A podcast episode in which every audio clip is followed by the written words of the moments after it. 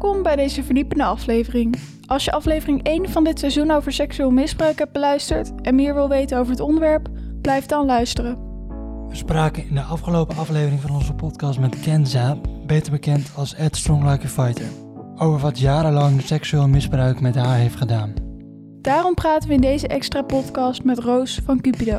Dit is een instantie die kan helpen in dit soort situaties. Roos is psycholoog. We vragen haar naar praktische tips voor slachtoffers en omstanders. Ja, als eerste hadden we dus we praten met Kenza en die heeft heel lang in een schadelijke situatie gezeten, in een, ja, heel lang in de misbruik uh, vastgezeten. Um, hoe kom je uit zo'n situatie? Nou, dat is een hele goede vraag en een hele lastige. Uh, want nou ja, op het moment dat je in zo'n situatie zit, dan speelt er van alles. Dus bij de een speelt er angst, bij de ander speelt er, spelen ook schuldgevoelens. Uh, veel meisjes en jongens hebben last van schaamtegevoelens. Dus er speelt heel erg veel loyaliteit naar degene die uh, ja, de misbruiker is, of degene die het gedrag vertoont. Dus um, het kan allemaal spelen, maar of delen hiervan. Dus ja, om daaruit te komen, dat is nogal wat. Mm-hmm. En vaak, ja, het is natuurlijk heel helpend als iemand je bijvoorbeeld vragen stelt van gaat het wel goed met je? Of er, is er iets aan de hand? Of is er iets gebeurd? Nou, nog beter is natuurlijk als er directe vragen worden gesteld. Maar dan nog zien wij vanuit de, hulpverlener, vanuit de hulpverlening dat op het moment dat je dus direct ook vraagt naar heb je wel eens iets meegemaakt op seksueel gebied wat je liever niet wilde, dat niet iedereen meteen dan zegt ja, dat heb ik meegemaakt. Dus Het, ja, het, het, kost heel veel moeite om uh, over die, al die gevoelens heen te stappen. Ja, ja begrijpelijk. Is de, is de, ouder dan ook de eerste persoon met wie je dat soort gesprekken moet voeren? Want ik kan me voorstellen dat dat ook juist een extra uh, drempel kan zijn om daar met een ouder over te praten. Dat je er liever eerst met iemand anders over praat. Ja, wij zien in de praktijk eigenlijk dat kinderen minder snel naar hun ouders stappen. Of in ieder geval niet als eerste naar hun ouders stappen. Dus dat ze het makkelijker vertellen aan een vriendin of uh, aan een mentor op school of nou, iemand waar ze zich wel vertrouwd bij voelen. Uh, en van daaruit dus uiteindelijk het met ouders besproken wordt of dat ze het zelf alsnog uh, wel aandurven. Maar uh, juist omdat je ouders je zo dierbaar zijn en je ze niet wil kwetsen. Nou, en we weten dus in 80% van de gevallen ongeveer is het iemand uit de kennissenkring of in ieder geval uit de, de dichtbije omgeving die het misbruik pleegt. Dus uh, dan ja, komt erbij kijken dat ze bang zijn dat, uh, dat de familie uit elkaar valt, bijvoorbeeld. Of dat de beste vrienden van ouders opeens niet meer de beste vrienden kunnen zijn. Dus dat maakt het ex extreem ingewikkeld. Ja, zeker. Ja. En wat nou als je, als je hier gewoon niet over durft te praten met überhaupt iemand? Heb je dan nog tips voor wat je dan wel maken, kan doen? Ja, wij maken regelmatig mee. We, we hebben anonieme chatten bij Cupido. Dus kinderen kunnen anoniem met ons chatten.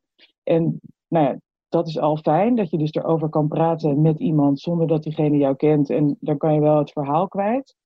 Um, en wat wij wel eens adviseren bij die chat is om het op een briefje te schrijven. En dan te geven aan iemand die dichtbij je staat of waar je je vertrouwd bij voelt. Sommige kinderen hebben een, een band met hun huisarts bijvoorbeeld.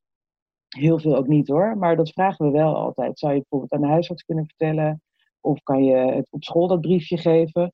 Um, dus opschrijven en het niet letterlijk hoeven zeggen, maar um, eigenlijk het af kunnen geven, dat zou helpend kunnen zijn. Oh ja, ja. Wij, ja. Wat wij dus eigenlijk sowieso altijd zeggen is, is er iemand in je ja, omgeving die je, die je in vertrouwen kan nemen? En dan zou dit een manier kunnen zijn. Hm. Ja, lijkt me een goeie. Wat als je als omgeving denkt van, hé, hey, misschien speelt er iets bij, bij die en die persoon. Um, hoe kun je er dan naar vragen? Hoe kun je de eerste stap zelf zetten als omgeving? Of moet je die juist aan de ander laten? Ja, dat vind ik een hele goede vraag. Kijk, sowieso er naar vragen en er voor iemand zijn is heel erg belangrijk. En op het moment dat iemand je vermoedens hebt en iemand ja, bevestigt die vermoedens niet, dan is het natuurlijk belangrijk dat je er niet van uitgaat dat het sowieso waar is. Dus dan zou je bijvoorbeeld kunnen zeggen van, nou oké, eh, weet je wel, uh, nou, het kan zijn dat het zo is, maar ik kom er bijvoorbeeld nog een keer op terug. Uh, want het, kan ook zijn dat je het ingewikkeld om te vertellen of vindt om te vertellen. Uh, en daarnaast uh, denk ik dat het belangrijkste eigenlijk is dat je er bent voor degene met wie jij uh, ja, zo fijn omgaat en waarvan je het gevoel hebt dat het niet oké met die persoon is. Um, want op het moment dat je voor iemand bent en nou goed, dus wel dingen bespreekbaar maakt, soms kan je bijvoorbeeld ja, een filmpje kijken. Er is tegenwoordig wel veel meer bekend over het onderwerp natuurlijk. Ja, dus je kan ook aan de hand van een artikel of vanaf van een, een, een filmpje op YouTube of op televisie. Ja, tegen, televisie is natuurlijk ouderwets eigenlijk. Maar er is zoveel meer bekend dan vroeger. Dus je kan natuurlijk wel aangrijpen om het gesprek aan te gaan met iemand. En dan vraag je, ken je iemand die dit heeft meegemaakt? Of heb je iemand in je omgeving en noem het allemaal maar op. Zo zou je natuurlijk er naar, naartoe kunnen komen. Los van het feit dat ik denk, als, jij, als iemand jou dierbaar is, dan kan je best wel goed inschatten of je direct moet zijn of wat minder direct. En ik denk als je inschat uh, dat je direct kan zijn, dan zou ik letterlijk vragen van, uh, ja, of er iets aan speelt, of er iets aan de hand is.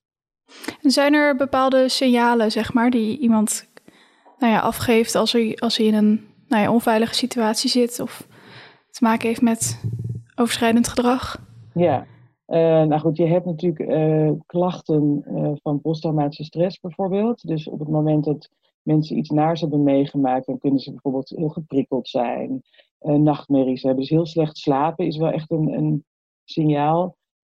concentratieproblemen hebben. Eigenlijk denk ik wat het belangrijkste signaal is, als jij merkt dat iemand niet meer zo goed functioneert als daarvoor, dan is er vaak iets aan de hand val op school betekenen of een baan niet kunnen behouden. Nou goed, natuurlijk stemming, hoe iemand uh, overkomt, of iemand blij is of niet blij, dat, dat merk je natuurlijk ook heel erg goed.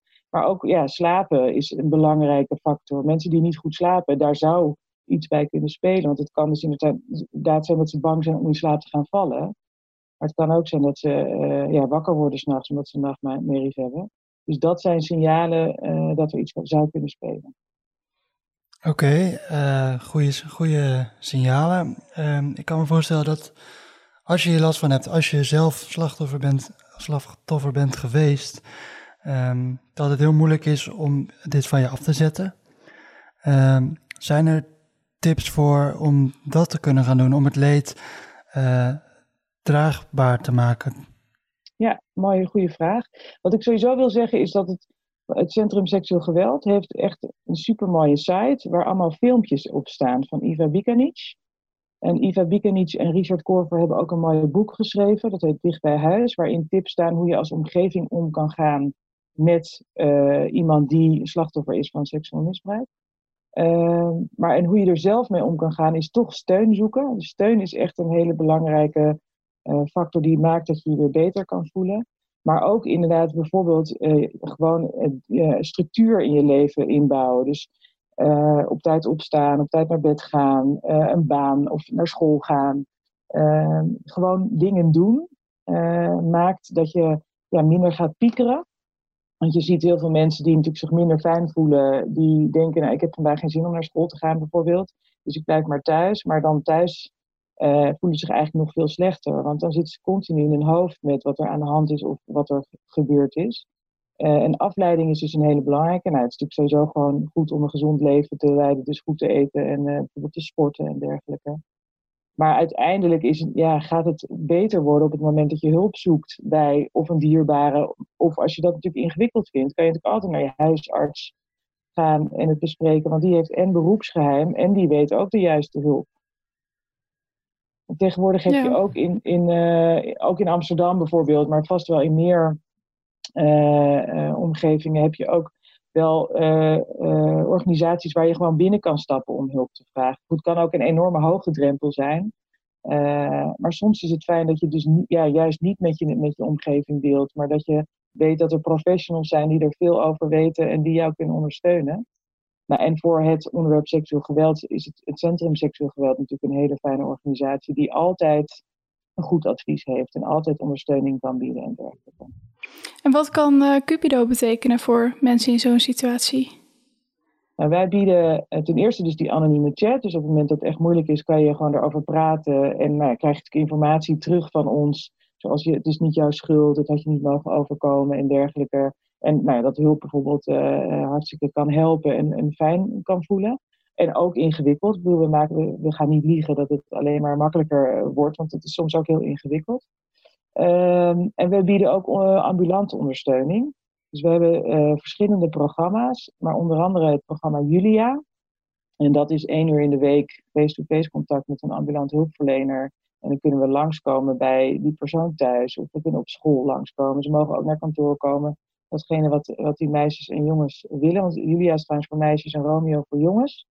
Ehm, en uh, daarin geven we heel veel. Nou, ten, eerste zijn we een luisterend oor en een vertrouwenspersoon. En daarnaast geven we ook informatie over de gezonde seksuele ontwikkeling, over sociale media. Dus het is heel breed het thema seksualiteit. We hebben ook specifiek Julia en Romeo Wacht.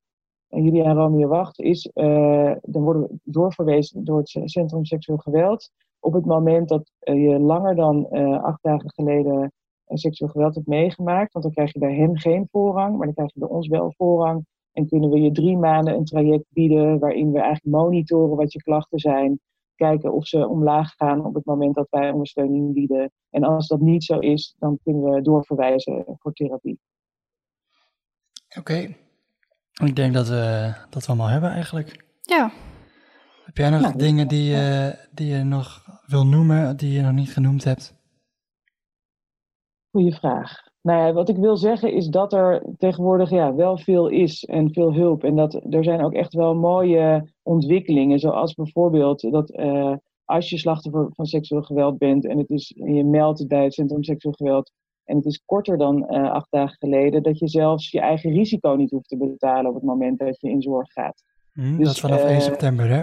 Ja, ja, ja, goed dat je dat, oh ja, dat jullie het ook weten. Dus wat ik ja. heel mooi vind, is dat er echt veel aandacht voor is. En dat, ja, dat we met z'n allen heel graag willen dat mensen uh, het kunnen uiten. En, en ja, dat ik ook, wij hebben een hele nauwe samenwerking met het Centrum Seksueel Geweld. En we zijn eigenlijk ook onderdeel van het Centrum Seksueel Geweld. Maar dat je echt merkt dat we nou ja, nu heel goed ondersteuning kunnen bieden. En dat slachtoffers echt ja, heel erg fijn vinden dat er ondersteuning is. En zich heel snel ook opgelucht voelen omdat ze merken, ik ben niet de enige. Het komt heel erg veel voor. En uh, nou, je kan er dus iets aan doen. Ja, en nu is, het, nu is het hopen dat er meer slachtoffers ook daadwerkelijk uh, de stap zetten richting hulp. Ja, ja zeker. Nou, hartstikke bedankt. Ja. Jullie ook bedankt en heel veel succes met uh, al het moois wat jullie doen. Oké, okay, dankjewel. Oké, okay, bye bye. Dankjewel voor het luisteren. Ben jij direct of indirect betrokken bij seksueel misbruik? Dan kan Cupido je helpen. Kijk voor meer informatie op www.cupido.nl. En Cupido is met Q-P-I-D-O. Of bel 06 29 33 8064. De muziek in deze podcast is van Oliver Alexander. Heb je onze aflevering met Kenza gemist? Terugluisteren kan via alle podcastplatformen en sinds dit seizoen ook via YouTube.